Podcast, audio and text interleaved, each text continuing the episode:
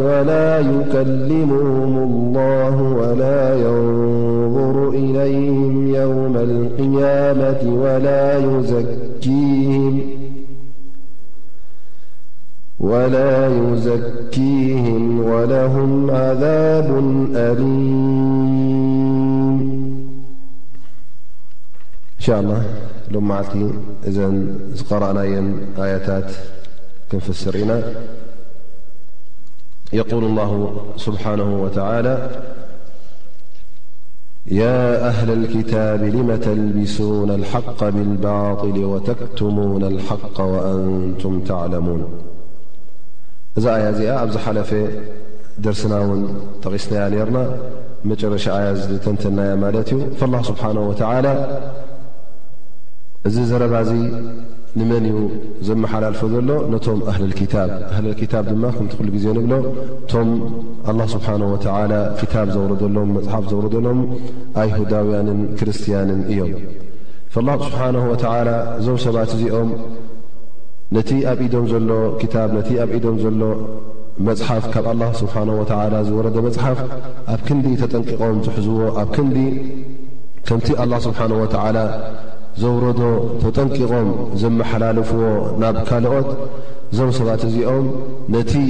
ሓቂ ሒዝዎ ዝመጸ እዚ ክታብ እዚ ባዕሎም ብኢደ ወነነኦም ዘእተውሉ ኮንቱን ሓሶትን ኣእትዮም ንኽልቲኡ ነቲ ሓቅን ሓሶትን ሓዋዊሶም ከመሓላለፍዎ ተረኺቦም።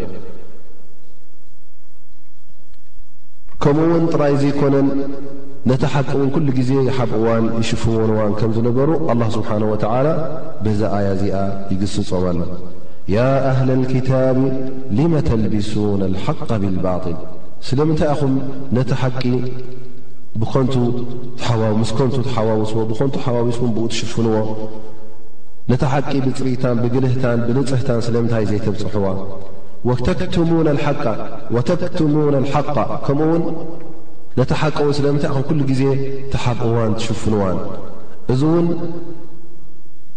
ብጌጋ ኣይኮነን ትገብርዎ ዘለኹም፣ እዚ እውን ሰኣን ፍልጠት ኣይኮነን ትገብርዎ ዘለኹም፣ እዚ እውን ደናቑር ኮይንኩም ኣይኮንኩም ከምዚ ትገብሩ ዘለኹም፣ ግን እናፈለጥኩምን እናረኣኹምን ባዕልኹም ነታ ሓቂ እናረኣኹማ ከለኹም ከተበላሽው ኢልኩም ባዕልኹም እናፈለጥኩም ትገብርዎ ዘለኹም ጌጋ እዩ ኢሉ ኣላ ስብሓን ወተዓላ ኣብዚ ኣያ እዚኣ ነቶም ኣህል ክታብ ይግስጾም ኣሎ። ምኽንያቱ እቲ ተውራት ኦሪት ከምኡውን እቲ እንጂል ኣላ ስብሓን ወተዓላ ብንጹህን ብጽሩዩን ኣመሓላሊፍዎ እንከሎ ኣብ ግዜ ገና ሰይድና ሙሓመድ ዓለ ሰላት ወሰላም ገና ከይተልኣኹ ከለዉ እዚ ክታብ እዚ ባዕሎም ብኢደ ወነንኦም እቶም ምሁራቶም ይኹኑ እቶም ኣቕሽሽቶም ይኹኑ እቶም ክኢላታቶም ይኹኑ ባዕሎም ብኢደ ወነንኦም ዘእተውሉ እናሓዋወሱ ብድላዮም ገይሮም ድማ እናተንተኑን እናፈሰሩን ነቲ ኣያታት እውን ጥራይ ምቕያር ኣይኮነን እንታይ ደኣ ኣብ ተርጀማ ኣብ ምትርጓም ይኹን ኣብ ትርጉም ምሃብ ኮይኑ ኣብ ከምኡ ውን ኣብ ተፍሲር ክህቡ ከለዉ ካልእ ኣላ ስብሓን ወተላ ዘይደልዮ ተፍሲር ኣ ስብሓን ወተላ ዘይወሰኖ ተፍሲር ክብሉ ከለዉ እዚ ዓብዪ ጌጋ ነይሩ ማለት እዩ قل لله ስብሓنه እند ن እዞم أهل كتب እታይ بر ዝነሩ م بهርي بزيدة الله سبحانه وتعالى يገلፅ له فيقول الله سبحنه وتعلى وقالت طائفة من أهل الكتاب آمنوا بالذي أنزل على الذين آمنوا وجه النهار واكفروا آخره لعلهم يرجعون እዞም ኣህለል ክታብ እዚኦም ኣብ ግዜ ነቢና ሙሓመድ صለ ላሁ ለ ወሰለም ዝነበሩ እቶም ኣይሁዳውያን እዮም ኩሉ ግዜ እንታይ እዮም ዝገብሩ ነሮም እዞም ሰባት እዚኦም ውዲት ይኣልሙ ነይሮም ማለት እዩ ኣንጻር እስልምና ኣንጻር ነቢና ሙሓመድ صለ ላه ለ ሰለም እዚ ሓድሽ ሃይማኖት እዚ ሓድሽ ዲን ኢሎም ዝርእዎ ዘለዉ ካብቲ ዲኖም ንላዕሊ ንኸይ እባዛሕ ካብቲ ዲኖም ንላዕሊ ንኸይከብርን ካብቲ ናቶም ዲን እውን ንኸይበልፅን ብማለት ኩሉ ግዜ ነቲ ናብ እስልምና ዝኣቱ ዘሎ ሰብ ክዓግትዎን ካብቲ እስልምና ከርሕቕዎን ካብቲ መገዲ ኣላህ ስብሓነሁ ወተዓላ ከጥፍእዎን ለይትን መዓልትን ይቃለሱ ስለ ዝነበሩ ሓደ ዓይነት ውዲት ኣብቲ ግዜ ተጠቐሙ እንታይ ነይሩ ወቃለት ጣኢፈቱ ምን ኣህሊ ልክታብ ኣሚኑ ብለذ እንዝለ ዓላ ለذነ ኣመኑ ወጅሃ ነሃር ወክፍሩ ኣራ ማለት ኣብ እስልምና መጀመርያ መዓልቲ ኣብቲ መዓልቲ ናይ ንግሆ ማለት እዩ ኣብቲ እስልምና እተዉ ግን ኣብ መጨረሽታ መዓልቲ እቲ ግን ካብቲ እስልምና ውፁ ይብሉ ዕለማ ገሊኦም ካብቲ ዝመፀ ተመሓላለፈ ሓዲ እንታይ የብሉ ነይሮም ማለት እዩ እዞም ሰባት እዚኦም ንግሆ ሰላት ሱብሒ እቶም ኣስላም መጠን ኮይኖም ኣስሊምና ኢሎም ኣብ እስልምና ኣቲና ኢሎም ንኸብቅዑ ሰላት ሱብሒ ምስ ነቢና ሙሓመድ ሰለላሁ ዓለይሂ ወሰለም ሰጊዶም ሙሉእ መዓልቲ ምስልምና ውዒሎም ኣብ መጨረሻ ግን ኣብ መቕሪብን ኣብ ዕሻን ክኸውን ከሎ ካብቲ እስልምና ርሒቖም ይብሉ እዞም ሰባት እዚኦም እንታይ እዮም ገይሮም ተሰማሚዖም እዮም እቲ ጉዳይ ገይሮሞ ማለት እዩ ኣብ መንጎኦም ተሰማሚዖም ንሕና ነዚ ሰብ እዚ ኩሉ ግዜ ንግሆ ንግሆ መዓልታዊ ናብ እስልምና ገጹ ዝግስግስ ዘሎ ከመይ ጌርና ደው ነብሎ ከመይ ጌርና ንዓግቶ ንሕና ቅድሚ ሕጂ እቶም ፍሉጣት ካብ ሰማይ ዝወረደ ዲን ዘለና ኣብዚ ሃገራት ኣዕራብ ኣብዛ ዓዲ ዓረብ ንሕና ኢና ኔርና ኩሎም እቶም ዓረብ እውን ንዓና የኽብሩና ኔሮም እዮም ስለዚ እቲ ምሳና ዘሎ ክታብ እቲ ምሳና ዘሎ መጽሓፍ ካብ ኣላህ ስብሓን ወተዓላ ከም ዝወረደ ንሕና ኢና ጥራይ ኣብ ኢድና እዩ ነይሩ ሕጂ ከመይ ጌርና ንዓግት ንሕና እዚ ጉዳይ እዚ እቲ ክብርን እቲ ብልጸትን ካባና ይወጽእ ኣሎ ብምባል እታ ስምምዕ ዝገበርዋ እዛ ስምምዕ እዚኣ ነራ ማለት እዩ መጀመርያ ኣስሊሞም ፍርቂ መዓልቲ ይኹን ኣብ እስልምና ኣትዮም ኣካፍቲ መጨረሻ ኣብቲ ፍርቂ መዓልቲ ግን ካብቲ እስልምና ንክወፁ ተሰማሚዖም ምኽንያቱ እዚ እንታይ ዩ ከምፅ ኢሎም እቲ ሰብ እንተ ደኣ ክንኣቱ ከለና እዎ እዚ ዲን እዚ ፈቲናዮ ኢና ኣብዚ ዲን እዚ ኣቲና ቅኑዕ መሲሉና ልኡኽ ኢልና ኣቲናዮ ግን ኣብ ውሽጡ ኣቲና ምስ ረኣናዮ ብዙሕ ጌጋታት ረኺብናሉ ብዙሕ ጉድለት ረኺብናሉ እቲ ምሳና ዘሎ ዲን ይሓይሽ እቲ ምሳና ዲን ዘሎ ይበልፅ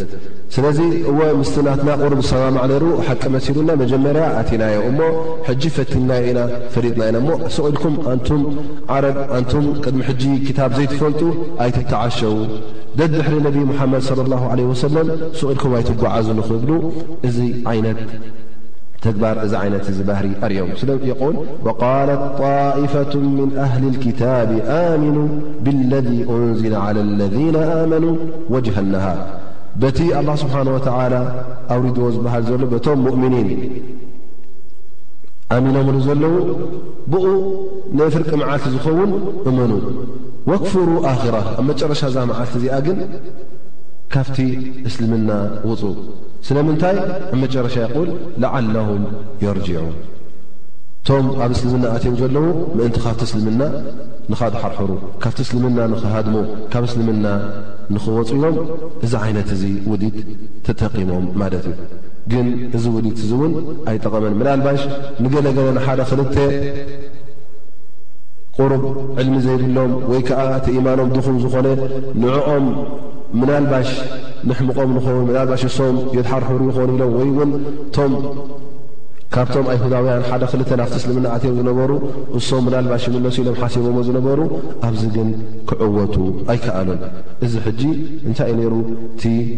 ኣንጻር እስልምና ጌና ነቢ ስለ ላሁ ለ ሰለም ኣብቲ መጀመርያ እስልምና ዝዝርግሓሉ ግዜ ዝነበረ ኣንጻር እስልምና ብከምዚ ዓይነት እዚ ደው እብሉ ከም ዝነበሩ እዞም ሰባት እዚኦም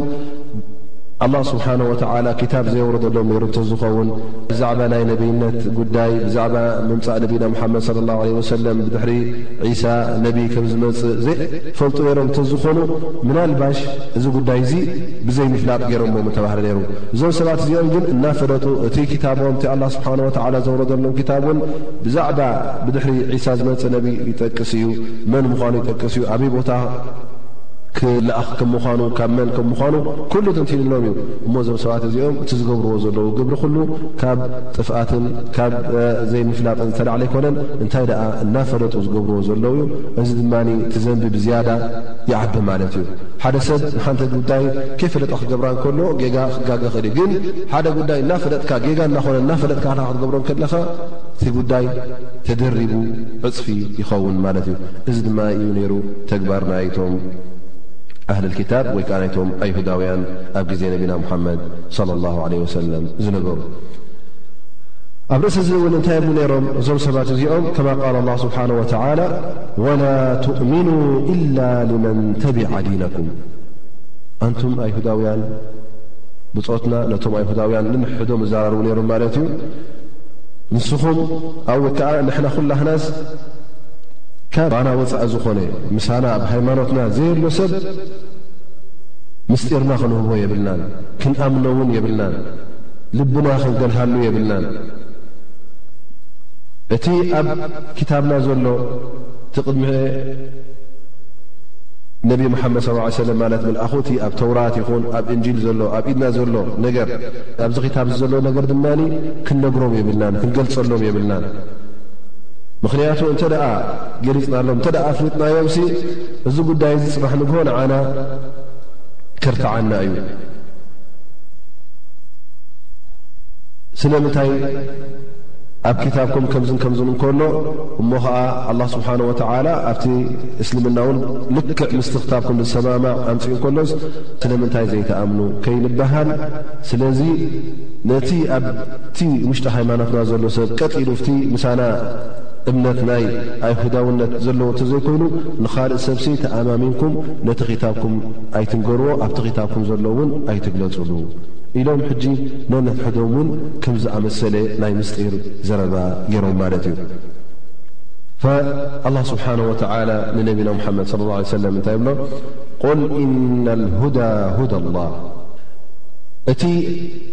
ኣብ ቅኑዕ መገዲ ዘእቱ፣ እቲ ኣብ ቅኑዕ መገዲ ዝሕብር፣ እቲ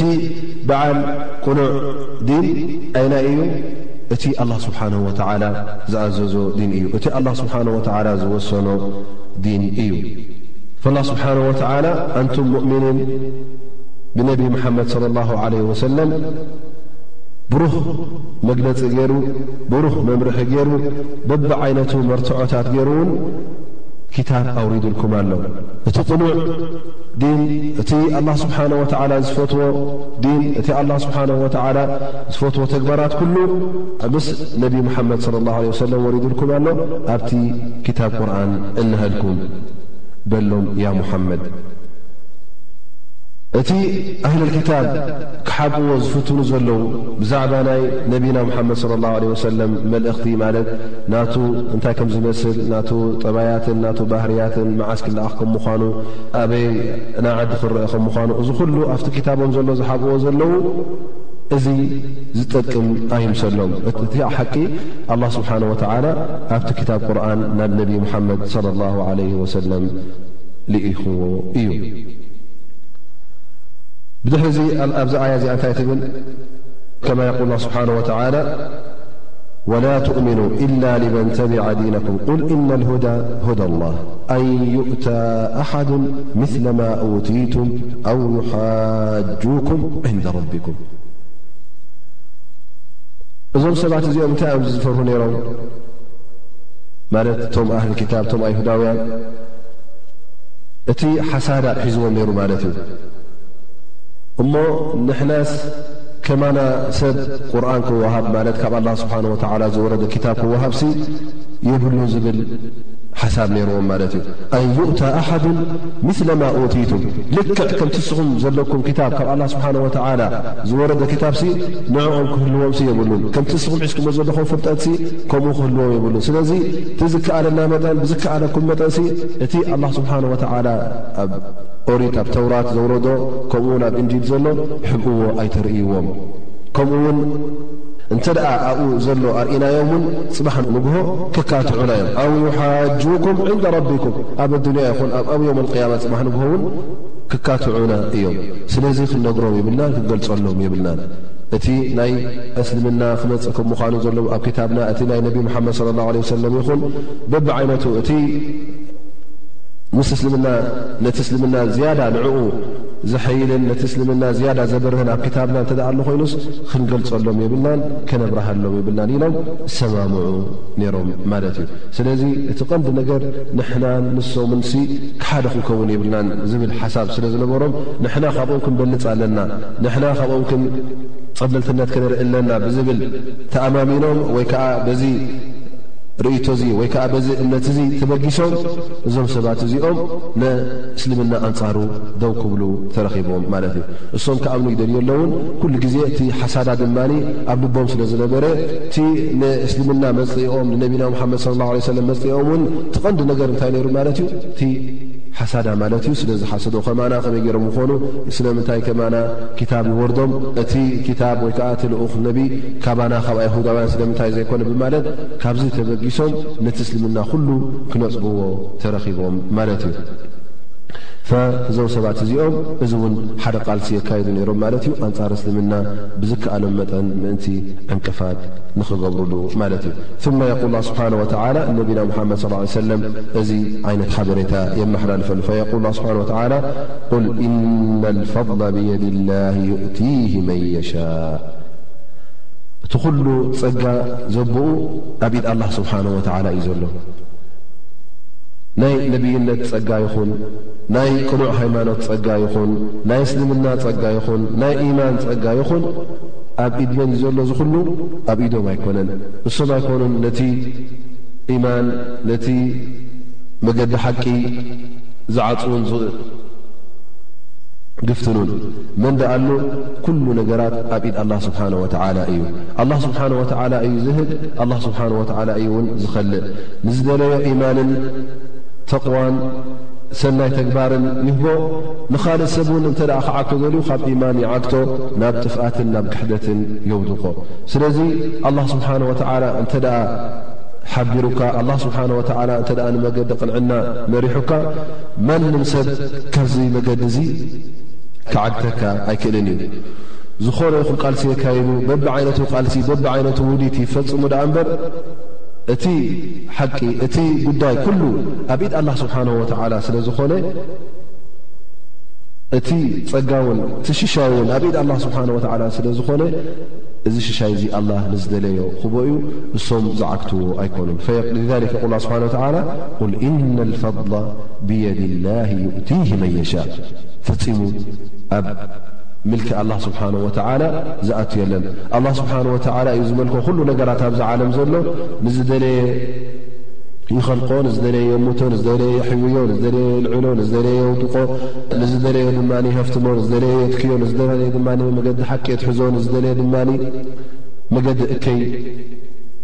የጥፍኦ ማለት እዩ ናብ መገዲ እከይ የጥፍኦ ስለዚ እቲ ጉዳይ ኩሉ ኣብ ኢድ ኣላ ስብሓን ወተላ እዩ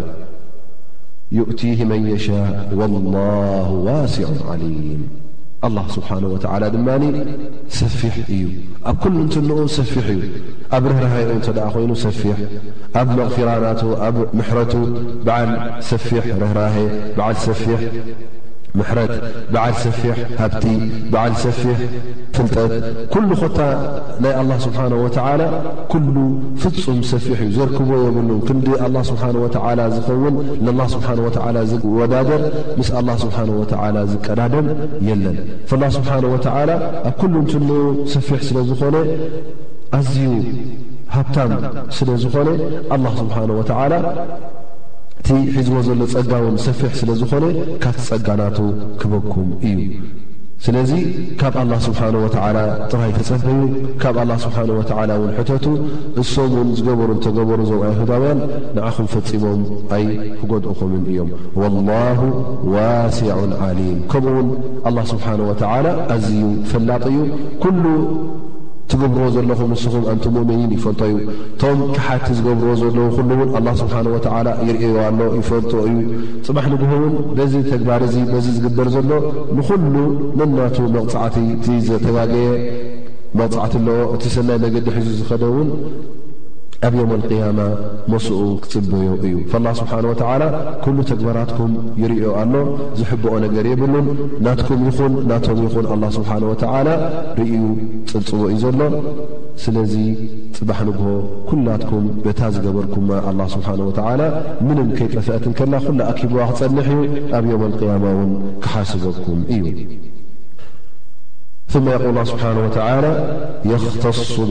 ረሕመቲሂ መን የሻእ ወላሁ ዙል ፈድል ዓዚም ብዝያዳ ድማ ኣላ ስብሓን ወተዓላ እዚ ጸጋ እዚ ንዝደለዮ ከም ዝህቦ ድማ ኣብዛ ኣያ እዚኣ የብር የኽተሱ ብረሕመትሂ መን የሻእ ኣንቱም ሙእምኒን ኣላ ስብሓን ወተዓላ በቲ ናቱ ርህራሀ ንዓኹም ንበይንኹም ፈልዩ ሂቡኩም ኣሎ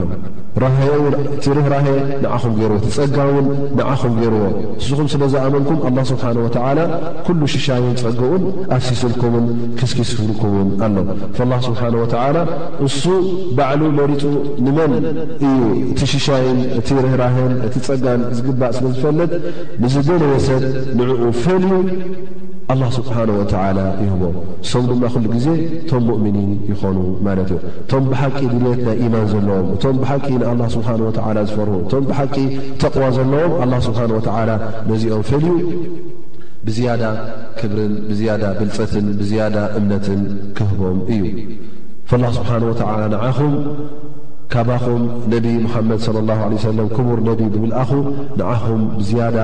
ሸረፍን ክብርን ሂቡኩም እዩ። ነዚ ነቢ እዚ ድማ ካብቶም ኩሎም ኣንብያ ካብቶም ኩሎም ነብይታት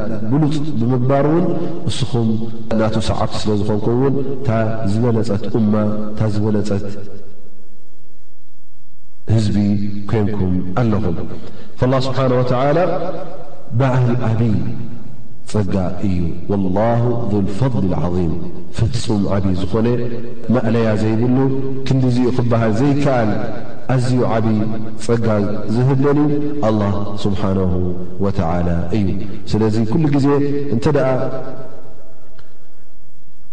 ህዳያ ወይ ከዓ ሓበሬታ ክትሓትት ኮንካ እንተ ኢማን ክትሓትት ኮንካ እንተ ሃብቲ ክትሓትት ኮንካ ኩሉ ግዜ ካብ ኣላ ስብሓን ወተዓላ ሕተት ምኽንያቱ ኩሉ ሃብቱ ፀጋ ፍልጠት ኢማን እዚ ኩሉ ነገራት ዝሉ ፀጋ ዝሉ ሽሻይ ምስ መን እዩ ዘሎ ምስ ኣላ ስብሓ ወተዓላ እዩ ዘሎ። ናቱ እውን ማእለያ ዘይብሉ ስለ ዝኾነ ካብኡ ክትሓትት ከለኻ ድማ እንተ ዱዓ ጌርካ ድማ ኣላህ ስብሓነሁ ወተዓላ ዱዓኻ ክቕበሎ እዩ፣ ንዓኻ እውን ናብቲ ሰናይ መንገዲ ናብቲ ሰናይ ሃይማኖት ክሕብረካ እዩ። ብድሕሪ እዚ ኣላህ ስብሓነሁ ወተዓላ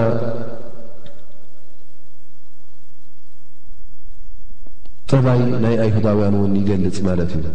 ናይቶም ኣህል ክታብ እውን ካልእ ዓይነት ጠባያት ዘለዎም ብዛዕባ ናይ ኣማና ጠባይ ከመይ ዓይነት ኣንስያታት ከም ዝኾነ ኩሎም ሓደ ድዮም ወይስ ሓደ ኣይኮኑን ተፈላለዩ ድዮም ከመይ እዩ ኸጠባዮም ኣላህ ስብሓነሁ ወተዓላ ኣብዛ ትመጽእ ዘላ ኣያ የብርሃልና ማለት እዩ ፈየቁል ላህ ስብሓነሁ ወተዓላ ወሚን ኣህሊ ልኪታቢ መን ኢን ተእመንሁ ብቅንጣር ዩኣዲሂ ኢለይክ ኣለዉ ካብ ኣህሊ ክታብ ገሊኦም ጥዑያት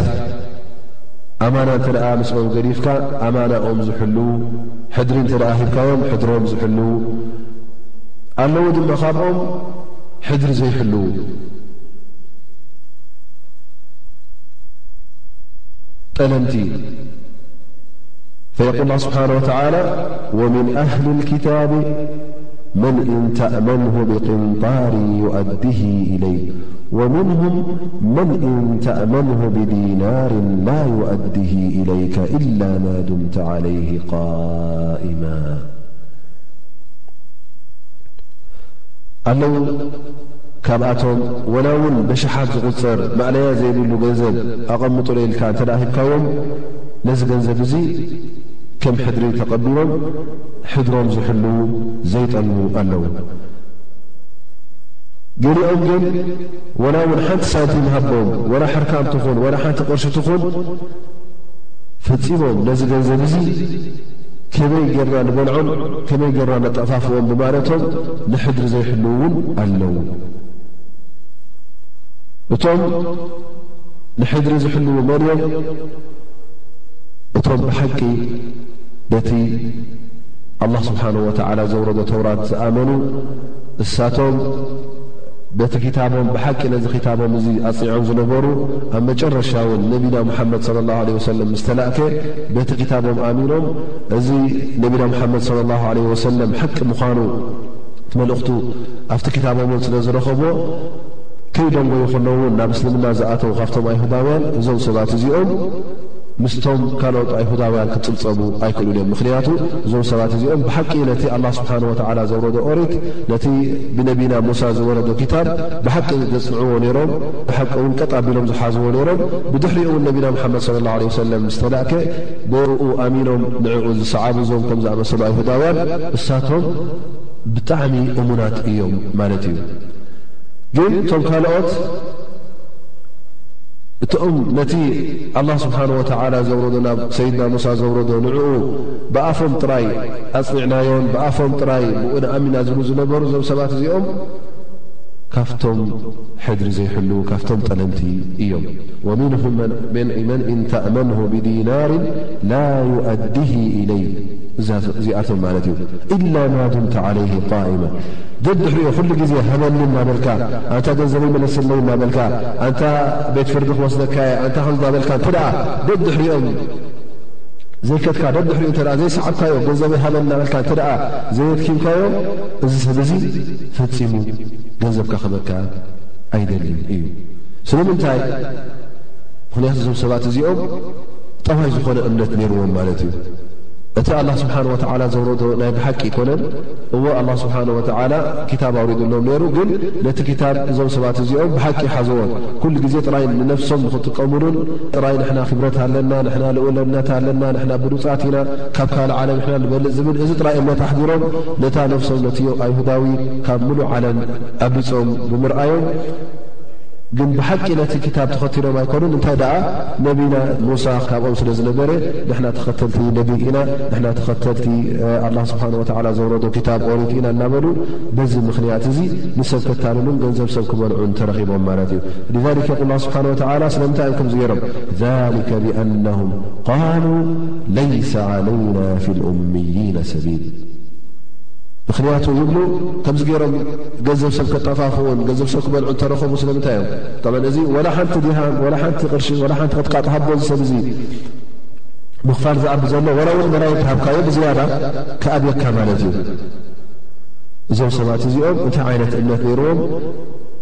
ካልኦት ብጀይካ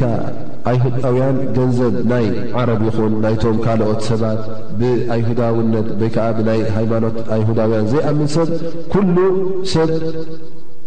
ኡሚ እዮም ዝብልዎ። ኡሚይን ማለት ከኣ ኣብ ኣይሁዳዊ ሃይማኖት ዘይኣተዉ ማለት እዩ። እዞም ሰባት እዚኦም ድማ እንታይ ይጽብጽብዎም ማለት እዩ እቲ ገንዘቦምን ነብሶምን ኩሉ ምልኪ ናይ ኣይሁዳውያን ከም ምዃኖም ምኽንያቱ ሶም ብሉጻት ደቂ ጎይታ ደቂ ኣምላኽ ኢና ኢሎም ስለ ዝኣምኑ፣ እቲ ኻልእ ሰብ ንዓና ንኽኸድም፣ ንዓና ንኽግዛእ እዩ ተኸሊቑ። ስለዚ ገንዘቡን ነፍሱንሲ ሓላል እዩ ንዓና ኢሎም ስለ ዝኣምኑ፣ በዚ ምኽንያት እዚ እንተ ሕድሪ ገዲፍካዮ ነቲ ሕድርኻ ይበልዕዎ ማለት እዩ። እንተ ዘየትዓብካዮም ቤት መንግስቲ ክወስደካ እየ፣ ቤት ፍርዲ ክወስደካ እንተ ዘይበልካዮ እቲ ገንዘብ ሓላል ገይሩ እዩ ዝርእዮ ማለት እዩ፣ ይበልዖ ማለት እዩ። ذሊከ ብኣነሁም ቃሉ ለይሰ ዓለይና ፊ ልኡምይነ ሰቢል እዚ ዓይነት እምነት ስለ ዝነበሮም በዚ ምኽንያት እዚ ገንዘብ ሰብ ክበልዑ ይርከቡ ነይሮም ማለት እዩ። እዚ ድማ ብሓቂ ኣብ ክታቦም ዝነበረ ኣይኮነን። ገንዘቦም ዘይገንዘቦም ንኽበልዑ ኣላህ ስብሓነ ወተዓላ ኣየፍቀደሎም። ነቢና ሙሳ ኣየፍቀደሎም፣ ነቢና ዒሳ እውን ብዘይገንዘብካ ብላዕ ኣይበለን። ግን ባዕሎም ነቲ ክታብ ኣላህ ስብሓነ ወተዓላ ዘይናቱ ኣእትዮም፣ ዘይናቱ ዓንቀፃት ኣእትዮም፣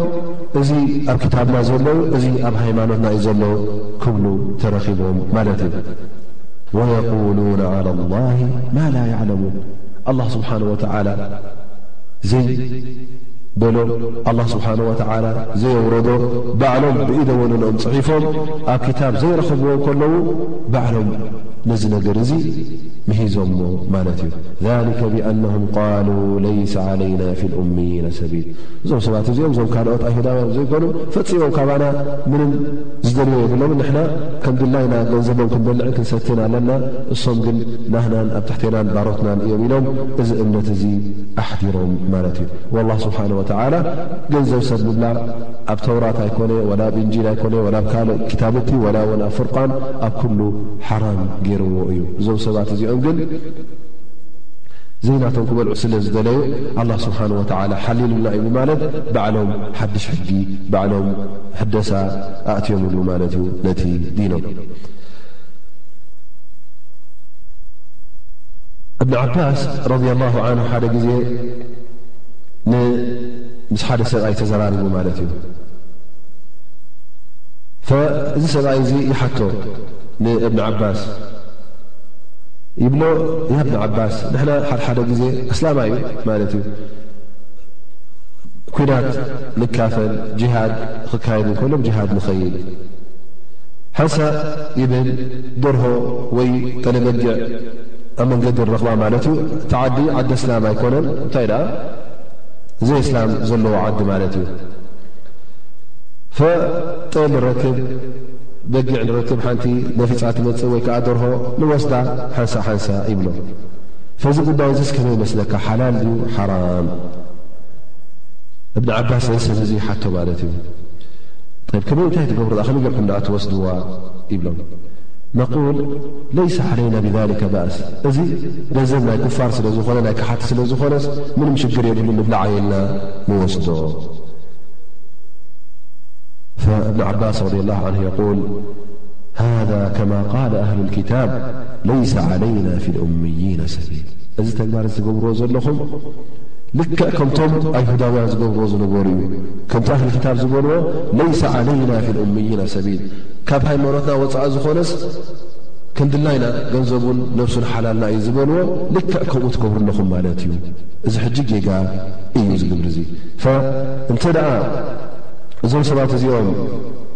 ኣስላም ኣይኮኑን እሞ ኣብ መንጎኹምን ኣብ መንጎኦምን እንተ ስምምዕ ኣሎ ኮይኑ ጂዝያ ዝኸፍሉ እንተ ኮይኖም ወይ ውን ምስ ኣብ መንጎኹምን ኣብ መንጎኦምን ስምምዕ ኣሎ እንተ ኮይኑ ፈጺምኩም ገንዘቦም ክትቀርቡሎም የብልኩምን እንተ ኩናት ኮይኑ ካልእ ጉዳይ እዩ ኩናት ገጽ ንቐጽ ተራኺብካ ኣብቲ ጂሃድ ኣብ ኩናት እሱ ዋጋኣካ እስኻ ትዋጋእ ኣብዚ ኩናት እዚ ዝሓዝካዮ ንብረት እንተ ኮይኑ እዚ ስልቢ እዚ ሰልቢ እዚ ካብ ኩናት ዝረኸብካዮ ግን ሱቕ ኢልካ ናይ ዝኾነ ይኹን ዘይኣስላማይ ኢልካ ገንዘቡ ከም ድላይካ ክትምንጥል እዚ ኣይፍቀደካን እዩ። እዚ ተግባር እዚ እንተ ትገብር ኮይንካ ልክዕ ከምቶም ኣህል ክታብ ኣላ ስብሓን ወተዓላ ለይሰ ዓለይና ፊ ልእምይና ሰቢል ኢሎም ዘይገንዝቦም ዝበልዑ ዝነበሩ ኣላ ስብሓን ወተዓላ ቁርን ዝገሰፆም ልክዕ ከምኡ ትገብር ኣለኻ ማለት እዩ ኢሉ የብርሃሉ ማለት እዩ ስለዚ ፈፂሙ ናይ ዝኾነ ይኹን ሰብ ገንዘብ ብዘይ ሕጊ ንኽትበልዖ ሓራም እዩ ማለት እዩ ወላ ውን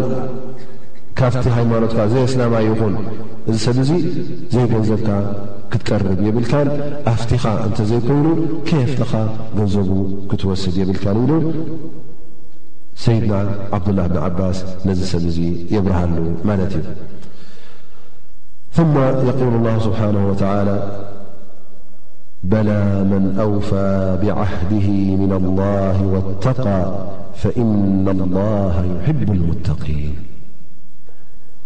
በል እቲ ኪዳን ኣላ ስብሓን ወተዓላ ኣብ ክብሪ ዘውዓለ ነቲ ኣብ መንጎኡን ኣብ መንጎ ኣላ ስብሓን ወተዓላ ዘሎ ኪዳን ነዚ ስምምዕ እዚ ከየዕበረ ቀጥ ኣቢሉ ዝሓዘ ከምኡ ውን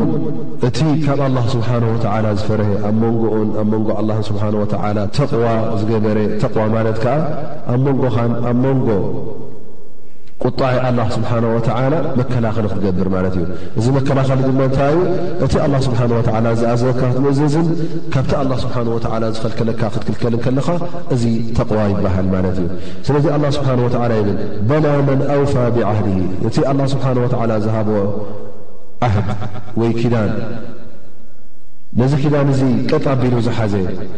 እዚ ሕጂ ኢማም ኢብኒ መሪ ዝጠቅስ ዘሎ ነቶም ኣህለል ኪታብ ኣላህ ስብሓነሁ ወተዓላ ኪዳን ኣትዩልኩም እዩ። ኣላህ ስብሓነሁ ወተዓላ በቲ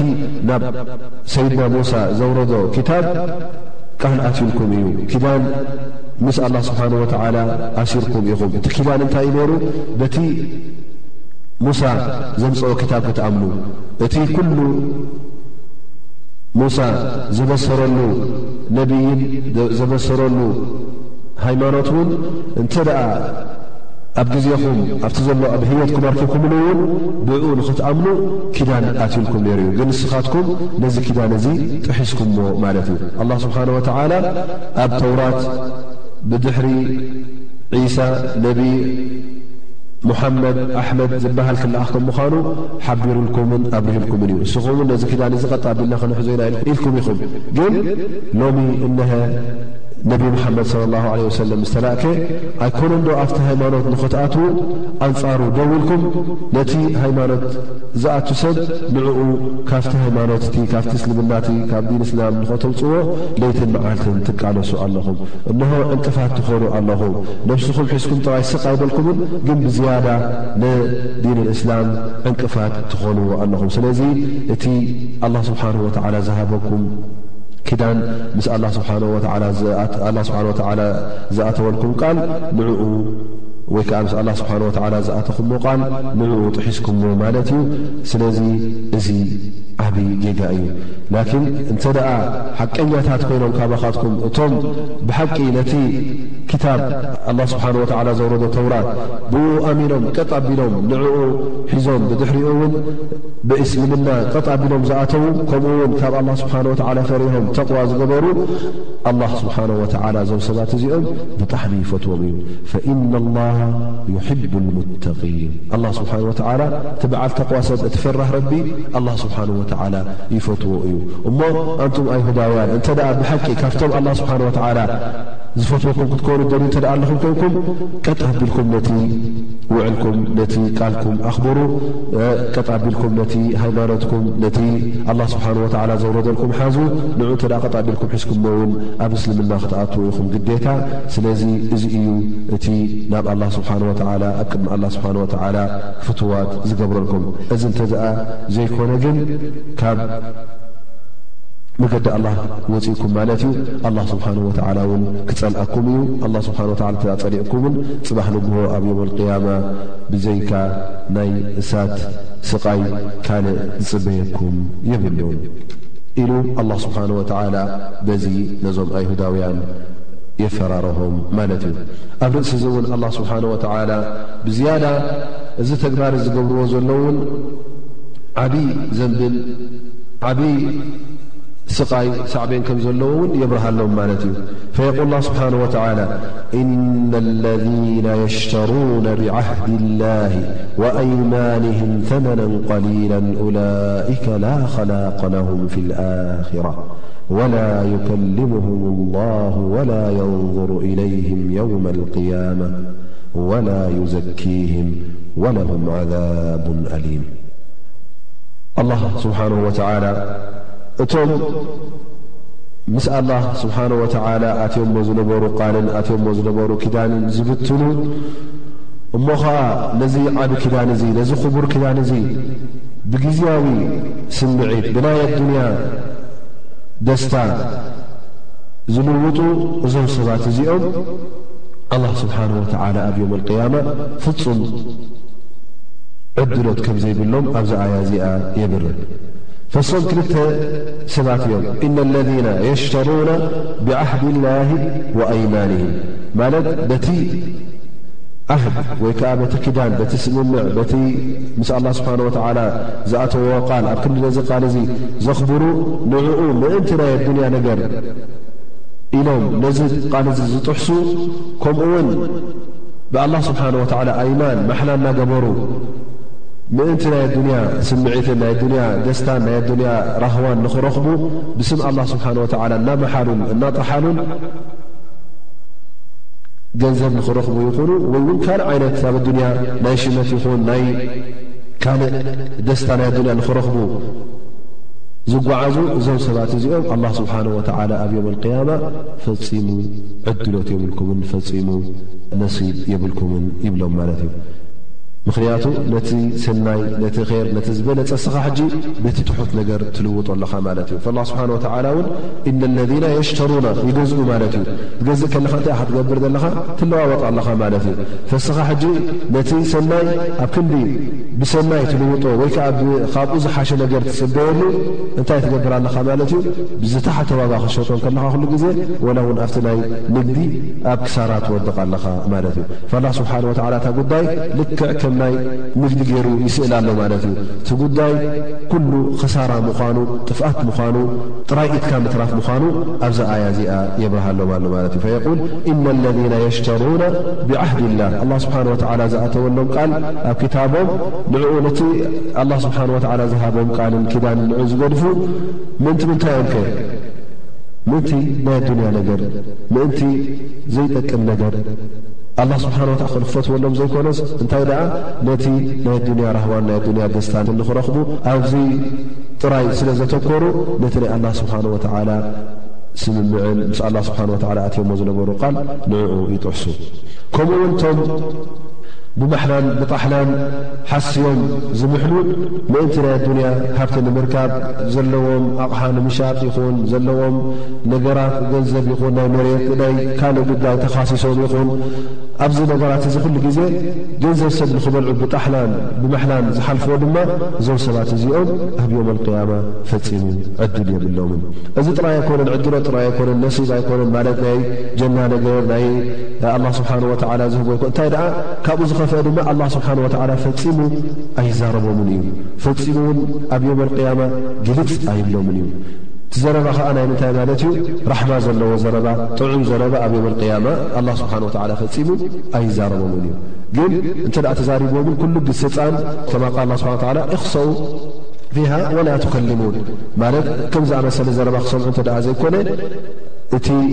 ነቶም ሙእምኒን ዝበሃል ዘረባ ጥዑም ዘረባ ንዑ ንጀና እተዉ ዝብል ዘረባ እንታይ ኢኹም ትደልዩ ዘለኹም ዝብል ዘረባ ኩሉ ጥጥዑሙ ፈጺሞም ኣይክሰምዕዎን እዮም ዮም ኣልቅያማ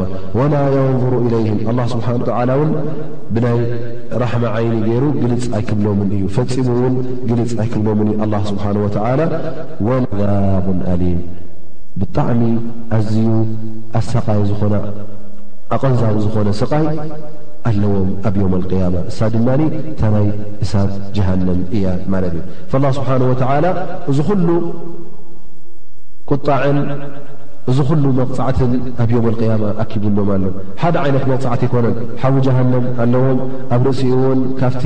ዘንብታቶም'ውን ፈጺሞም ኣይትጸርዩን እዮም፣ ኣብ ዮም ኣልቅያማ'ውን ኣይመሓሩን እዮም ማለት እዩ። ከምኡ'ውን ኣላህ ስብሓነሁ ወተዓላ ፈጺሙ ናይ ራሕማ ቃል ኣየስምዖምን እዩ፣ ግልጽ ኢሉ'ውን ኣይርእዮምን እዩ። እዚ ኹሉ'ውን ኣብ ዮም ኣልቅያማ ፈጺሞም ዝኾነ ይኹን ዓይነት ዕድሎት ዝኾነ ይኹን ዓይነት ውሃብ ኣይወሃቡን እዮም። እዚ እንታይ የብርሃልና ማለት እዩ? እዚ ተግባር'ዚ።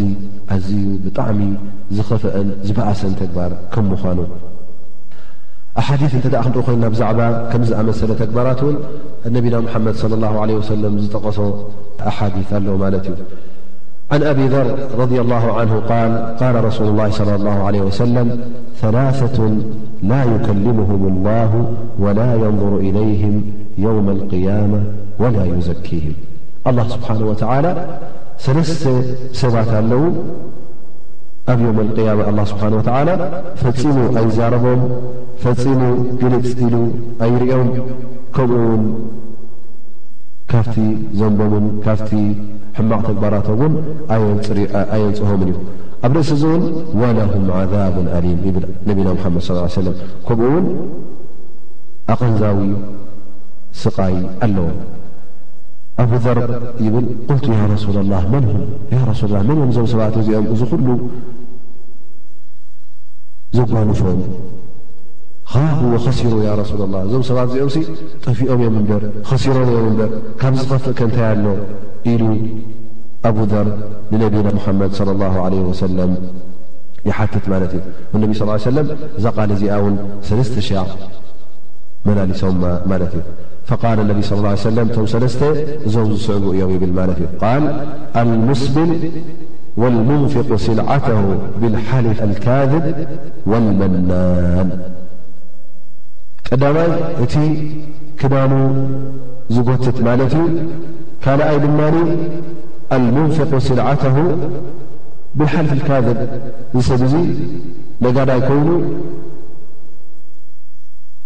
ኣቕሑት ክሸይጥ እንከሎ እንታይ ይብል ብማሕላን ብጣሕላን ይሸይጥ ማለት እዩ ክምሕል ከሉ ድማ ብሓቂ ኮነ ዝምሕል ነዛ ኣቕሓ እዚኣ ብዓሰርተ ቅርሺ ገዚእዋ ከሎ ኣለስ ይብል ወላ ዓሰርተ ክልተ ቅርሺ የ ገዚኣ ሕጂ ክልተ ቅርሺ እያ ካባኻ ዝኸስብ ዘለ ክብለካ ማለት እዩ እንታይ ይበልዘሎ ወይ ከዓ ኣነ ብርኣስማል ሸጠልካ ኣለኹ እዚኣ ዓሰርተ ቅርሺ የ ገዚኣ እያ ብዓሰርተ ቅርሺ ክሸጠልካ ብለካ ወላ ኢሉ ይምሕል ማለት እዩ እሱ ግን ዓሰርተ ቅርሺ ገዛኣን ካብኡ ዝተሓሰዩ ገዚእዋ ግን እንታይ ትብል ዘሎ እታይ ነቲ ሰብ ከህርፎ ማለት እዩ ክገዝኣሉ ጓእ ኣነስ እዚ ሰብ እዚ ምሒሉ ብራእሲ ማል እዩ ሸይጠለይ በታ ዝገዝኣ ሓንቲ ይኸሰበለይ ኢልካ ሕጂ ብራእሲ ማል የሸጠልካ ድሕሪ እኳ ኩላህና ንጎይ ማለት እዩ ሓደ ሰብ ዝኾነ ቦታ እንተ ብራእሲ ማል ኢና ንሸይጥ ኢሎምኻ ጉድሮ ጎደሎ ኣሎ ማለት እዩ ትኸይድ ትገዝእ ኢኻ ስለዚ እዚ ነገር እዚ ስለ ዝዐሽወካ እሞ ኸዓ ኣብ ርእሲ እዚ ይምሕል ብስም ኣላህ ስብሓን ወተዓላ ወላሂ ኢሉ ብዝያዳ ሕጂ እዩ እምነት ትገብር ማለት እዩ ፍሕጂ ንኣላህ ስብሓን ወተዓላ ከም ምንታይ ይጥቀመሉ ኣሎ ማለት እዩ ከም መብልዕን መስተይን ከምዚ ሸሓኒ መጠጠቢ ማለት ጥቀመሉ ኣሎ ማለት እዩ ኣላህ ስብሓን ወተዓላ እዚ ጉዳይ እዚ ዓብዪ ነገር ስለ ዝኾነ እዚ ዓይነት እዚ መቕፃዕታት ከም ዘለዎ ይገልፅ ማለት እዩ ወልመናን መናን ማለት ከዓ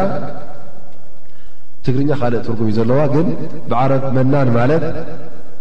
እወ ገይረልካ በሃሊ ማለት እዩ እንተ ሰደቃ ሂቡ እንተ ሓጊዙካ እንተ ገለ ሰናይ ነገር ገይሩልካ እንታይ ረስዕካ ዲኻ ቅድሚ ክልተ ዓመት ከምዚ ከምዚ ዶ ይግበርኩልካን ቅድሚ ሰለስተ ዓመት ካብ ቤት ማእሰርቲ ዶ የውፃእኩኻን ቅድሚ ክንዲዚ ዓመት ከምዚ ከምዚ ኢልካ ተሸግርካ መፅእካኒ ሚተ ቅርሺ ሽሕ ቅርሺ እንዶ የለቃሕኩኻን ኢሉ የዘኻኽረካ ማለት እዩ ለቓሕኩም ኣይትረስዑ ስለዚ እዚ ምናን ማለት እዩ። ሕጂ ካብታ ዝሃበካ ዝያዳ ጎድኣካ ኣሎ ማለት እዩ። ልቓሕ ንገዛእ ርእሱ ሓደ ሰብ ከለቅሕ ከሎ ልክዕ ከም ሰረቓ እዩ። ልኣኑ ኣጅሪ ኣለዎ እዚ ሰብ እዚ እሞ ብዘለቅሓካ ኮይኑ ወይ ከኣ ብዝሓገዘካ ብናይ ገንዘብ ወይ ከኣ ብሰናይ ዝገበረልካ ኮይኑ እንተ ደኣ ኩሉ ግዜ ኣነ ገይረ ኣነ ገይረልኩም እየ ኣነ ከም ዝገብር እየ ድሕር ዝብል ኮይኑ እዚ ሰብ እዚ መናን ይበሃል። እዚ ሰብ እዚ እውን በዓል ኼር በዓል ሰናይ ኣይኮነን። ክገብር እንከሎ ሊላህ ኢሉ ዝገበር ኣይኮነን ማለት እዩ። እንታይ ደኣ ክረኣየሉ ክጀሃረሉ ገይረ እየ ክብል ኣነ ከም ዝገብር እየ ንክብል ስለ ዝኾነ እሞ ኸኣ እቲ ትምኒቱን ድልየቱን ፍቶት ኣላህ ስለ ዘይኮነ ልክዕ እቲ ናይ ኣዱንያ ድልየት ስለ ዘለዎ ካብ ኣላህ ስብሓን ወተዓላ ብዝያዳ ኣብሊፁ ንምንታይ እዩ ዝርኢ ዘሎ ሕጂ ናይ ሰብ እዩ ዝርኢ ዘሎ ማለት ዓይኒ ሰብ ገፅ ሰብ ካብ ዝያዳ ኣኽቢሩ ስለ ዝርኢ ዘሎ ኣላህ ስብሓን ወተዓላ እውን ዮም ልቅያማ ግልፂ ኢሉ ገፁ ኣይርእዮን እዩ ማለት እዩ እዚ ሰብ እዚ ኣላህ ስብሓን ወተዓላ ኣዝዩ ኣቐንዛዊ ዝኾነ ስቓይ ከጽንሓሉ እዩ። ካልእ ሓዲስ ብዛዕባ እዚ እውን ዝጠቅስ ኣሎ ይብል እዚ ሓዲስ እዚ ኣልእማም ኣሕመድ ዘመሓላለፍዎ እዩ ቃል ኻሰመ ረጅሉ ምን ኪንዳ ቀቢላ ማለት እዩ ካብ ሓንቲ ቀቢላ ኪንዳ ትበሃል እዩ ዝውለድ ይቃሉ ለሁ እምርኡ ቀይስ እብኒ ዓብስ እምርኡ ቀይስ እብኒ ዓብስ ዝተባህለ እዚ ምስ ሓደ ሰብኣይ ኻሰመ ረጅለን ምን ሓድሮሞት ምስ ሓደ ኣብ ሓድሮሞት ዝቕመጥ የመኒ ማለት እዩ ሓድሮሚ ማለት እዩ ኣብ መንጎ ክልቲኦም ክልቲኦም ተባኢሶም ማለት እዩ እቲ ጉዳይ መባኣይሶኦም ድማ ጉዳይ ናይ መሬት እዩ ነይሩ ማለት እዩ ተባኢሶም ናበይ መፁ ናብ ነቢና ሙሓመድ صለ ላሁ ለ ወሰለም ፈነቢ صለ ላሁ ለ ሰለም ቀض ዓላ ሓድረሚ ብልበይና ፈለም የኩን ለሁ በይና እቲ ሓድረሚ ይብሎ እነቢ ስ ሰለም እስኻ መርትዖ እንተ ኣለካ ኮይኑ መሰኻኽር እተ ኣለዉካ ኮይኖም ኣምፅእ ሃባ ይብሎ ማለት እዩ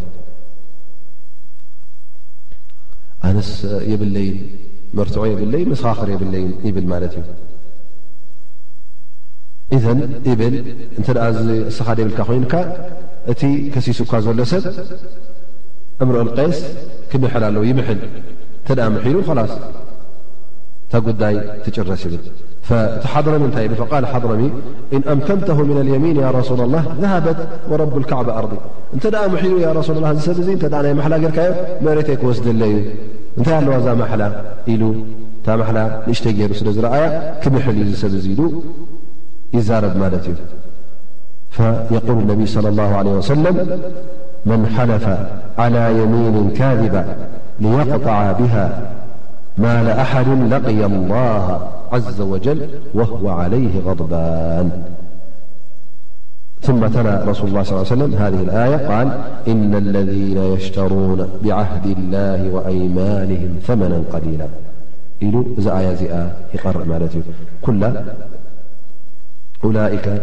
لا خلق لهم فيالخرة ولا يكلمهم الله ولا ينظر إليهم يومالقيام ولا يزكيهم ወለሁም ዓዛቡ ኣሊም እዚ ኣያ እዚኣ ይቐርኣሉ ማለት እዩ ስለዚ እነቢ ስ ሰለም እንተ ደኣ ሓደ ሰብ ሓስዩ እንተ ደኣ ምሒሉ እዚ ሓሰት እዚ ከዓ ምእንቲ ምንታይ ምእንቲ ገንዘብ ሰብ ዘይገንዘቡ ንኽበልዕ ገንዘብ ሰብ ንኽበልዓሉ እንተ ደኣ ምሒሉ ኣብ ዮም ኣልቅያማ እዚ ሰብ እዙ ኣላ ስብሓን ወተዓላ ምስ ኣላ ስብሓን ወተዓላ ክራኸብ ከሎ ኣላ ስብሓን ወተዓላ ብጣዕሚ ተቖጥዑ እዩ ዝቕበሎ ነዚ ሰብ እዙ ኢሉ ነቢና ሙሓመድ ስ ሰለም ይገልፅ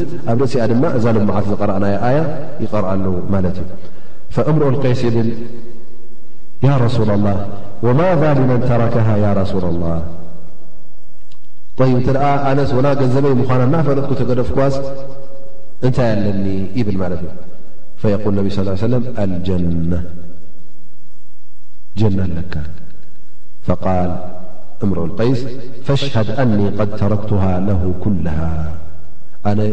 ያ ረሱላ ላህ ንዓኻ የመስክረካ ኣለኹ እታ ናተይ ዋላ ናተይ ትኹን ኣነ ሓላሉ ትኹን ኢለዮ ኣለኹ ንሊላህ ኢለ ገዲፈሉ ኣለኹ ይብል እዚ ጉዳይ እዚ ሕጂ ትርእይዎ ኣለኹም ኣብ ህብረተሰብና ሎሚ እንተ ክንጠቅስ ኮይና ኣብ ዓድና ሕጂ ኩሉ ሰብ እንታይ እዩ ዝብል ዘሎ ጥርዓኑ እተ ክሰምዑ ኮንካ እቲ እስላማይ ኩሉ መውዓሊኡ ቤት ፍርዲ ኮይኑ ባእሱ ብዛዕባ እንታይ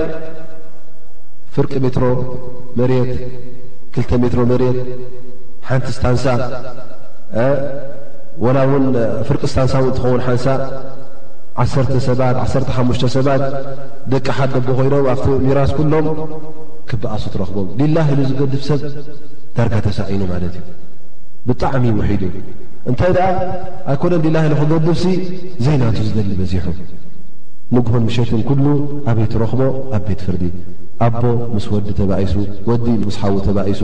ጓል ምስ ኣዲኣ ምስ ሓዋ ምስ ሓፍታ ኩሎም እንታይ መባኣሲኦም እዛ ጨናዊት ዝኾነት ኣዱንያ ናይ ገንዘብ ጉዳይ ናይ መሬት ናይ ገዛ ናይ ውርሻ ገንዘብካ ክትደሊ ሓራም ዝብለካ ሰብ የለን ገንዘብካ እንተደኣ ኮይኑ ብሓቂ ትወስዶ ናህካ መሰል እዩ ግን ዘይናትካ እሞ ኣብ ቤት ፍርድን ላዕልን ታሕትን ክትብለሉ ከለኻ እሞ ኸዓ ምሒልካ እሞ ኸዓ መሰኻኽር ገለ ብጉቦ ኮይኑ ገለ ብገንዘብ ኮይኑ ገለ ብሕውነት ኮይኑ ገለ ብዕርክነት ኮይኑ ኣኻኺብካ ሰብ ዘይናትካ ክትበልዕ ከለኻ ዓብዪ ዘንቢ ከም ምዃኑ እዚ ኣላ ስብሓን ወተዓላ ዝጠቐሶ ነቢና ሙሓመድ ስለ ላሁ ዓለ ሰለም ዘብርህዎ እነሀልካ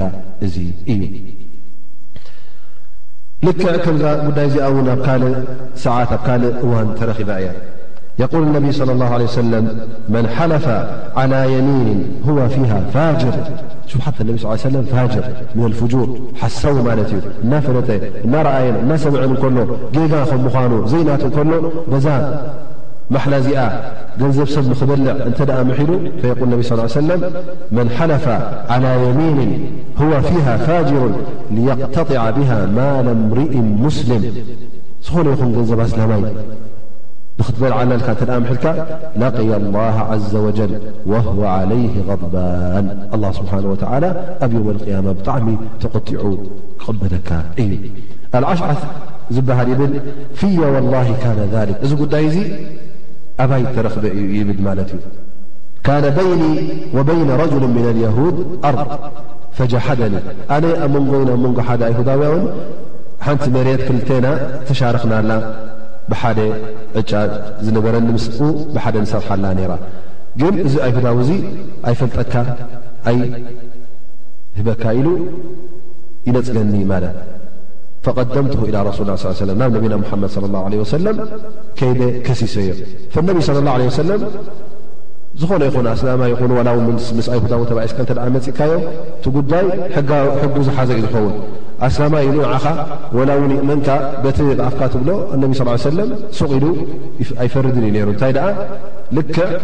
መርትዖ ከተምጽእ ኣለካ ልክዕ መሰኻኽር እተ ኣለዉካ ኮይኖም ኩሉ ከተቕርብ ኣለካ ማለት እዩ። ፈቃል እነቢ ስ ሰለ ነዚ ሰብ እዚ ነዚ ኣሽዓት እንታይ ይብሎ ኣለካ በይና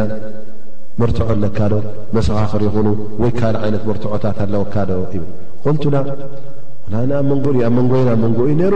እዚ ጉዳይ እዚ ዝመስከሮ ሰብ የለን ፈቃለ ልልየሁዲ እሕልፍ ላስ ካባኻ እተ ስኻ መርትዖ ዘለካ ኮንካ እሱ ክምሕል እዩ ነቲ ኣይሁዳዊ ሕጂ መሓል ይብሎ ነቢና ሓመድ ስ ሰለም መሓል ምስ በለ ነቢ ስለ ላه ለ ሰለም መሓል ምስ በሎ እዚ ኣልኣሽዓስ እንታይ ይብል ያ ረሱላ ላ እዘን የሕልፍ ፈየዛብ ማሊ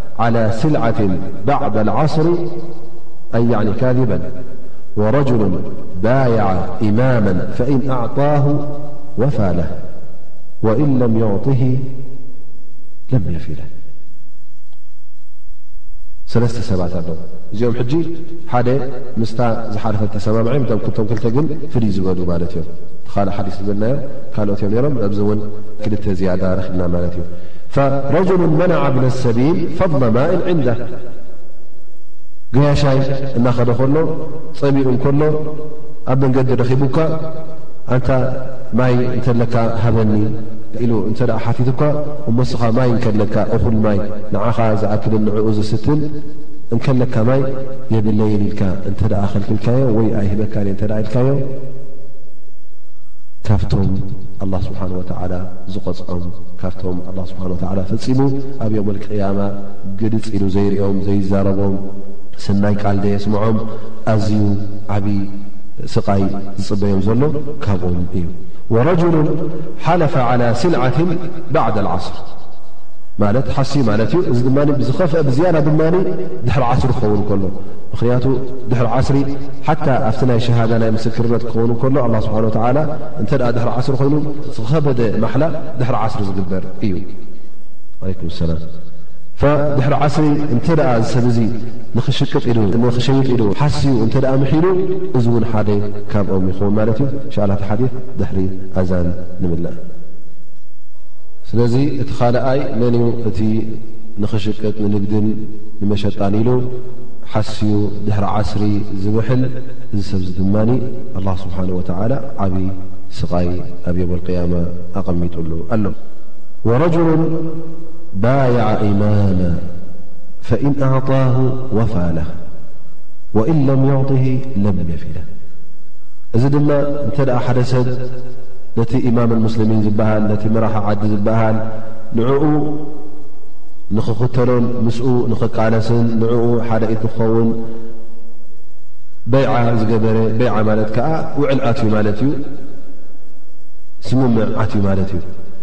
እዚ ሰብ እዚ በይዓ ኣትዩ እንከሎ እንተ ደኣ ጥቕሚ ዘይረኸበላ እታ ነገር እንተ ደኣ ናይ ኣዱንያ ነገር ገንዘብ ሃብቲ ናይ ስራሕ ምኽፋት ናይ ከም ዝኣመሰለ ናይ ኣዱንያ ነገር እንተ ደኣ ረኺቡ ምስዚ ሰብ እዚ ቀጢሩ ይኸይድ ማለት እዩ ግን እንተ ደኣ ዘይረኸበ ስጦታ ኮይኑ ህያብ እንተ ኮይኑ ገለ ገንዘብ እተ ኮይኑ ናይ ኣዱንያ ነገር ናይ ስራሕ ምኽፋት እተ እዚታት እንተ ተኸልኪሉ እተ እዚታት እዚ ዘይረኸበ ግን ነታ ውዕል የፍርስ እዚ ሰብ እዚ እንተ ከምዚ ዓይነት ኮይኑ ድማ ኣላ ስብሓን ወተላ ኣብ ዮም ቅያማ ፈፂሙ ግልፅ ኣይብሎን እዩ ፈዞም ሰባት እዚኦም እዞም ሰለስተ እዚኦም ኣላ ስብሓን ወተላ ካብቶም ንውዕሎም ዝሸጡን ንውዕሎም ዘየኽብሩን ቃሎም ዘየኽብሩን ብስም ኣላህ ስብሓን ወተዓላ ዝፃወቱን ብስም ኣላህ ስብሓን ወተዓላ ዝላገፁን ስለ ዝኾኑ እዞም ሰባት እዚኦም ኣላ ስብሓን ወተዓላ ኣብ ዮም ኣልቅያማ ኣዝዩ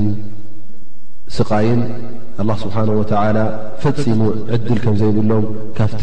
ንሙእምኒን ዝወሃብ ካብቲ ንሰብ ዝወሃብ ዕድሎት ካብኡ ፈፂሙ ህያብን ዕድሎትን ከም ዘይብሎም ኣላ ስብሓን ወተዓላ ኣብዚ ኣያ እዚኣ የብርሃልና ነቢና ሙሓመድ ለ ላ ለ ወሰለም እውን ካልኦት ከመይ ከም ዓይነታት ከም ምዃኑ ብዝያዳ ኣብዘን ኣርባዕተ ኣሓዲስ ዝጠቐስናየን ኣብሪሁልና ማለት እዩ። ናይ ሎማዓንቲ ደርስና በዚ ይድምደም። ኢን ሻ ኣላህ ኣብ ዝመዶ ሰሙን ብኼር ብሰናይ ከራኽበና ድማ ዱዓ ንገብር ኢን ሻ ኣላህ። ከምቲ ልምድና ድማ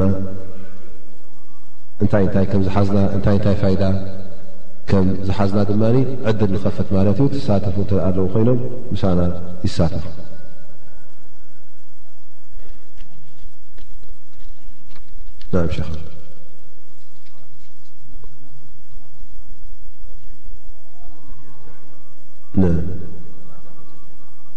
ንኻ ስሒቦ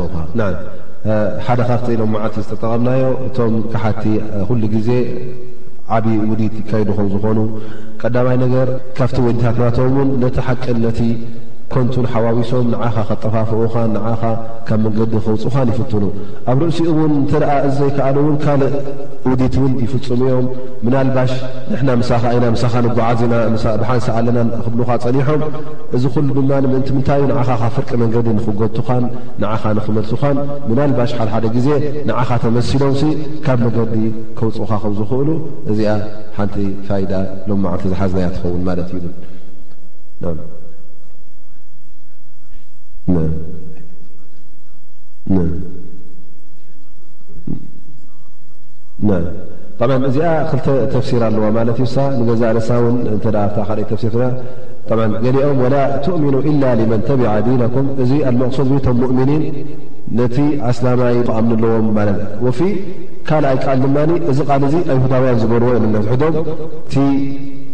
ኣብ መንጎኦም ኩሉ ግዜ እቲ ምስጢር ኽሓብኡን ፈጺሞም ኣብቲ ኣብ ውሽጦም ዘሎ ምስጢር ንኻልእ ንኸይህቡን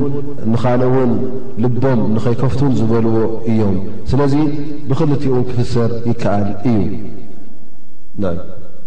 ኸለ ናዕጢ ዋሕድ ፈረስ ናይ ብር እዞም ኣህሊ ልየሚን ናም ባረከላ ፊክ እታ ብዝያዳ ድማ ሎማዓት ዝሓዝናያ ዝኾነ ይኹን ጸጋ ካብ ኣላህ ስብሓነሁ ወተዓላ ምዃኑ እሱ እዩ በዓል ዓቢ ጸጋ በዓል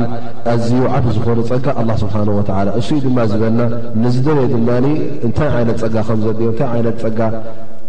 ከም ዘውርደሉ ብጀካ ኣላህ ስብሓነሁ ወተዓላ ዝውስኖን ዝገብሮን የለን ባረከላ ፊክ ኣይን ካብቲ ፋይዳታት ዝሓዝናዮ እ እቶም ኣህል ክታብ እቲ ክታቦም ልክዕ ከምቲ ኣላ ስብሓን ወተላ ዘውረዶ ኣፅኒዖም ዘይሓዝዎ ታይ ደኣ ባዕሎም ብኢደ ወነነኦም ከም ዝሓረፍዎን ድላዮም ከም ዘእተውሉን ከም ዝሓዋወስሉን እዚ ዓቢ እምነት እዩ ንሕና ውን ቀንዲ እምነትና እዩ በዚ ውን ክንካታዕ ንኽእል ኢና ለኣኑ ኣላ ስብሓን ወተዓላ ባዕሉ ስለ ዝነገረና ባዕሉ ስለ ዘብርሃልና እቲ ቀንዲ ኢማንና ሕጂ እቲ ምስኦም ዘሎ ክታብሲ ቅኑዕ ከም ዘይኮነ ባዕሎም ብኢደ ወነነኦም ውን ከም ድላዮም ናቶም ብድላዮም ዘእተውሉ ነገራት ከም ዘለዎ ኣላ ስብሓን ወተዓላ ኣብርሂልና እዩ ክንካትዖ ውን ንኽእል ኢና በዚ ጉዳይ እዚ ባረከ ላ ፊክ ጠብዓ እዚ ካብቲ ነቢ ስ ላ ሰለም እውን ዝሃበን እተን ጠቐስናየን ኣሓዲት ማለት እዩ ሎም መዓልቲ ዝሓዝናዮ ፋኢዳ እቲ ሕጊ ኩሉ ግዜ ኣላ ስብሓን ወተዓላ ዘውረዶ ሕጊ እቲ ክታብ ዘሎ ሕጊ ኣብ ቤት ፍርዲ ክቐርብ እንተ ደኣ ኮይኑ ኩሉ ግዜ ብናይ ሃይማኖት ዝውሰን ኣይኮነን እንታይ ደኣ ዘይገንዘብካን ዘይንብረትካን ዘይናትካን ክትወስድ ኣይትኽእልን ኢኻ እንታይ ደኣ ኣስላማይ ኩን ዘየስለማይ ኩን ኩሉኻ ሓደ ሕጊ ኣለካ ንኹላኻ ቀጥ ኣቢልካ ክትኣምነሉን ቀጥ ኣቢልካ ድማ ብኡ ክትከይ ዘለካን ማለት እዩ ላ ስብሓን ወተዓላ እቲ ኣውሪድዎ ዘሎ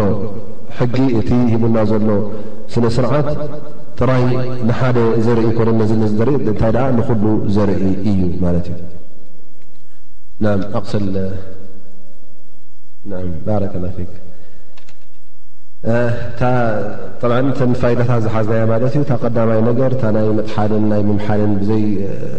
ምኽንያት ወይ ከዓ ብዘይ ሓቂ ምሒልካ ዘይናትካ ምውሳድ መቕፃዕቱ እንታይ ከም ምዃኑ ተገሊፁልና ማለት እዩ። ኣብ ርእሲኡ ድማ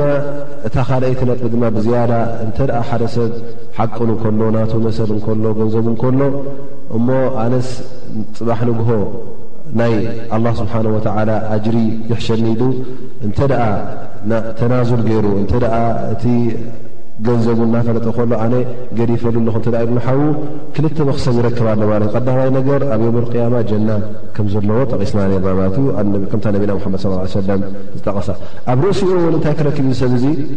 ምስቲ ሓዉ ብሕውነት ብፍቕርን ክነብር ማለት እዩ ኣብ ክንዲ ኩሉ ግዜ ተባኢሶም ዝነብሩ እንተ ኣነስ ከላስ ገዲፈልካ እተ ኢልካዮ ኩሉ ግዜ ኣብ መንጎኹም ትባእሲ ዝነበረን እቲ ምስሕሓብ ዝነበረን እሱ ከኣ ተሪፉ ማለት እዩ ስለዚ ኣብ ኣዱንያ ኣዕሪፍካ ትነብር ኣብ ኣራ ውን ጀና ትዕርፍ ማለት እዩ ስለዚ እቶት እቲ ረብሓ ኣብ ምንታይ ኮይኑ ማለት እዩ ኣብ ኣዱንያን ኣብ ኣራን ይኸውን ማለት እዩ ደግም ደሊካ ቀልባ ዞም ዘይጠዓሙ ክለ ዘይንቀሳቀስ ኣላ ስብሓን ወተላ ኣብዛ ኣያ ዝጠቀሰልና እዚ እውን እቲ ናይ እስልምና ንኹሉ ብሓደ ዓይኒ ክኮነን ከምዘይሪኦ ንርኢ ኣለና ማለት እዩ ወላ እውን ካብቲ ዲንካ ወፃኢ ነይሮም ይኹኑ ወላ ውን ዘይኣምኑ ነይሮም ይኹኑ ኣላ ስብሓን ወተዓላ እቲ ኩሉ ጌጋታት ናይ ኣይሁዳውያን ናይ ኣህል ክታብ ክጠቅስ እንከሎ እቲ ካብኦም ትሰናይ ዝገብርዎ ዝነበሮ እውን ኣይሓብኦን ማለት እዩ ኣላ ስብሓን ወተዓላ ኣብዚ ኣያ እዚኣ ገለ ሰባት ካብቶም ኣህል ክታብ ብቕኑዕ መገዲ ዝኸዱ ከም ዘለዉ ኣብ መጨረሻ ውን ናብ ስምና ከም ዝኣተዉ ጠቒሱና ማለት እዩ እሞ ከዓ ኣብቲ ኣማና እውን ኣብቲ ሕድሪ ናቶም እውን ሕድሪ ሂብካ ክትቦም እንከለኻ ቀጥ ኢሎም ሕድሮም ዝሕልዉ ኣለዉ፣ ገለ ሰባት ካብኦም እውን ሕድሮም ዘይሕልዉ ከም ዘለዉ ኣላህ ስብሓን ወተዓላ እዞም ክልተ ዓይነት ጠቒሱልና ማለት እዩ። ስለዚ ንኹሎም ኣላ ስብሓን ወተዓላ እውን ገልፆም ከሎ ወላ እውን ንስኻ ብሓደ ንኹሉ ብሓደ ኣኪብካ ኩሎም ጥፉኣት እዮም ኢልካ ክትምልስ ኣይትኽእልን ኢኻ እንታይ ደኣ ኩሉ ግዜ እንተ ሓደ ዓይነት ፍርዲ ክትህብ ኮንካ እቲ ፍርድኻ ኩሉ ግዜ ፍትሓዊ ፍርዲ ክኸውን ኣለዎ ዓድል ክኸውን ኣለዎ ማለት እዩ ብ ህዋ እዚ እውን ኣብ ኩሉ እዩ ማለት እዩ ግን እቲ ግቡእ ካልእ እዩ እቲ ግቡእ ኩሉ እሙን ክኸውን እዩ ዘለዎ እተ ኣነ ኣስላማይ እ ክኸውን ኮይኑ ከምኡ እውን ይብላ ኣሎ ማለት እዩ ወላት እስላማይ እውን ክትሪኦ ከለካ እውን ፍትሓዊ ኣረኣያ ገርካ ክትሪኦ ኣለካ ኩሉ ሓደ ኣይኮነን ኣሎ እሙን ኣሎ ኣለእውን ዘይእሙን ኣሎ ግን ከምቲ ግቡእ ኩሉ እሙን ክኸውን እዩ ዘለዎ እተ ሓደ ሰብ ኣነ ኣስላማይ ኢሉ ክኢሉ ከብቅዕ ኮይኑ ክታብ ኣላ ስብሓን ወተላ ቀጢለ ከይድ እል እተ ዝብል ኮይኑ ኩሉ እቲ ኣላ ስብሓን ወተላ ዝኣዘዞ ኣብ ግብሪ ከውዕሎ ኣለዎ እዚኣ ሸይድ ባረከላ ሙኣዝን ሓንቲ ጉዳይ ጠቂሱ ማለት እዩ እሳ ወፃኢ ካብ ደርሲ ትኸውን ግን ካብቲ ስራሓት ናይ ኣህሊ ክታብ ማለት እዩ ኣብ ዴንማርክ ቅድሚ ዝሓለፋ መዓልታት ኣነ ውን ኣብ ጋዜጣ ገለ ንብበዮ ነይረ ከምዚ ካሪካቴር ገይሮም ነቢና ሙሓመድ ሰለላሁ ዓለይሂ ወሰለም ኣውፂኦም ነይሮም፣ ፀርፍን ገለምታን ዝሓዘ ማለት እዩ። ፈንሕናስ ሕጂ እንታይ ክንገብር ንኽእል? ነዞም ኣነ ሕጂ ሓደ ዓይነት እቕትራሕ ኣለኒ ይብል ኣሎ ማለት እዩ። እሱ ድማ ብዝከኣልና መጠንሲ ነይቲ ኣብ ዴንማርክ እተገበረ ወላ እውን ነቲ ናይ ዴንማርክ ኣቑሑት እውን እንተ ኣሎ ኮይኑስ ወላ ኣድዓፈል ኢማን ሙቃጣዓ እንተገበርናሉ እዚ እውን ሓደ ርእቶ ናተ ይብል ማለት እዩ።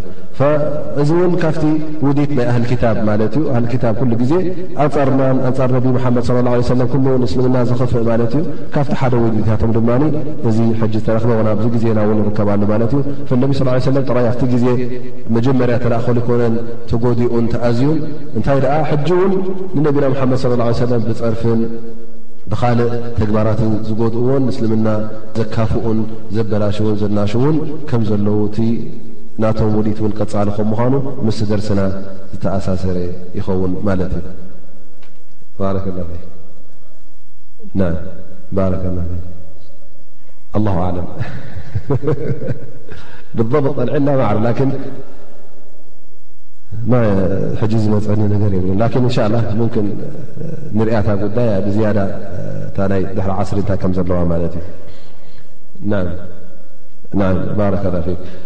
ዝኾነ ይኹን ወዲ ሰብ ዝኾነ ይኹን ፍጡር ኣብ ቅድሚ ኣላህ ስብሓነሁ ወተዓላ ብሓደ ዓይኑ እዩ ዝሪኦም ማለት እዩ። እንተ ደኣ ምግልላፅ ኮይኑ ብምንታይ ኢኻ ትበልፅ ማለት እዩ? ብኢማን ብተቕዋ እንተዘይኮይኑ ብምቕያሕን ብወዲ ከምዚ ዓሌትን ናይ ዓሌትን ናይ ቀቢላን ናይ ኩሉን ዘመሓላልፍ ኣይኮነን። ያኒ እዚ ካብቲ ይበልፅ ነዚ እዚ ይሓልፎ እዩ ኣይበሃልን እዩ። እንታይ ደኣ ኣብ ቅድሚ ኣላህ ስብሓነሁ ወተዓላ ኩሉ ደቂ ሰብ ኩሉ ፍጡር ኩሉ ሓደ እዩ። እዞም ሰባት እዚኦም ኣይሁዳውያን እዞም ኣህል ክታብ ለይሰ ዓለይና ፊል ኡምይይና ሰቢል እናበሉ ብዘይካ ኣይሁዳዊ ኩሉ ብ ትሕቴና እዩ ንዓና ዝግዛእ እዩ ናህና ግዙእ እዩ ዝብልዎ ዝነበሩ ቅኑዕ ከም ዘይኮነ ሎም መዓልቲ በሪሁልና ኣሎ ማለት እዩ ስለዚ ኩሉ ፍጡር ሓደ ከም ምዃኑ ይበርሃልና ማለት እዩ ን ወቅቲ ወላ ኣይሁዳውያን እውን ዘይገንዘቦም ብዘይ ሓቂ ከም ዝበልዑ ዝነበሩ ተጠቂሱልና ኣሎ ማለት እዩ ሕጂ እውን ብዘይ ሓቂ ዝበልዕ ኣሎ ብሓረጣ ኮይኑ ብሪባ ኮይኑ ተቐንዲ ናይ ሓረጣ እውን ኣብ ኢዶም ከም ዘሎ እቶም ኣይሁዳውያን ኩሉ ኣብ ዓለም ዝተፈልጠ እዩ ማለት እዩ። ስለዚ እዚ ናቶም ባህሪን ናቶም ጠባያትን ከም ምኳኑ ኣላ ስብሓን ወተላ ቀደም ኣብ ግዜ ነቢና ሓመድ ስ ሰለም ቅድሚኡ እውን ከምኡ ከም ዝገብሩ ዝነበሩ ብድሕሪኡ ን ከም ዝገብሩ ዘለዉ እዚ ሕጂ በሪሁልና ማለት ኢሎም መዓልቲ ዋሕድ ወላ ኣማን ድገም የለ ሓሰና እንተ ገንዘብካ ኮይኑ ገንዘብካ ንኸትወስድ ንክትመልስ መሰልካ እዩ። እንተ ደኣ ገንዘብ ተኾይኑ ዋላ ብማሕላ እውን ትወስዶ እታ ጉዳይ እንተ ደኣ ሓሲኻ ትምሕላ ኣለኻ ኮይንካ እዩ እምበረ እንተ ደኣ ብሓቂ ትምሕላ ኣለኻ ኮይንካ ገንዘብካ እዩ ክትምሕል ፍቀደካ እዩ ማለት እዩ እዚ ማሕላኻ እዚ እውን ምእንቲ ገንዘብ ኣይበሃልን እዩ ምክንያቱ እስኻ ሓሲኻ ይኮንካ ትምሕል ዘለኻ ታሓቂ ደሊኻ ማለት እዩ ስለዚ እንተ ደኣ ገለገለ ሰባት ነዚ ጉዳይ እዚ ጥዑም ጥዑም ጥዒሞም እሞ ከዓ ንሰብ ኣድኪሞም ኣረባሪቦም ኣብ መጨረሻ ከላስ ባዕሉ ፈልጥ ክሳዕ ዝብል ዝገብር እንተ ኮይኑ ከምዝኣመሰለ ሰብ ግዴታ ክእደብ ኣለዎ ኣብ ክንዲ ትጠልቦ ገንዘብ ኣሰር ክትህቦ የብልካ ነዚ ሰብ እዚ እተ ከምዝገብር ኮይኑ ተ ተፈሊጡ ክትቀርቦ የብልካ ገንዘብ ን ከተርእዮ የብልካ ኣቁሉ ቆውሊ ሃ ኣስ ላ ስብሓን ወተላ ኣን ይዓልመና ማ የንፋዑና ኣንፋዕና ብማ ሰሚዕና صለ ላه ላ ነብይና ሙሓመድ ላ ሊ ወሳሕቢ ወሰላም ኣጅማዒን ባረክ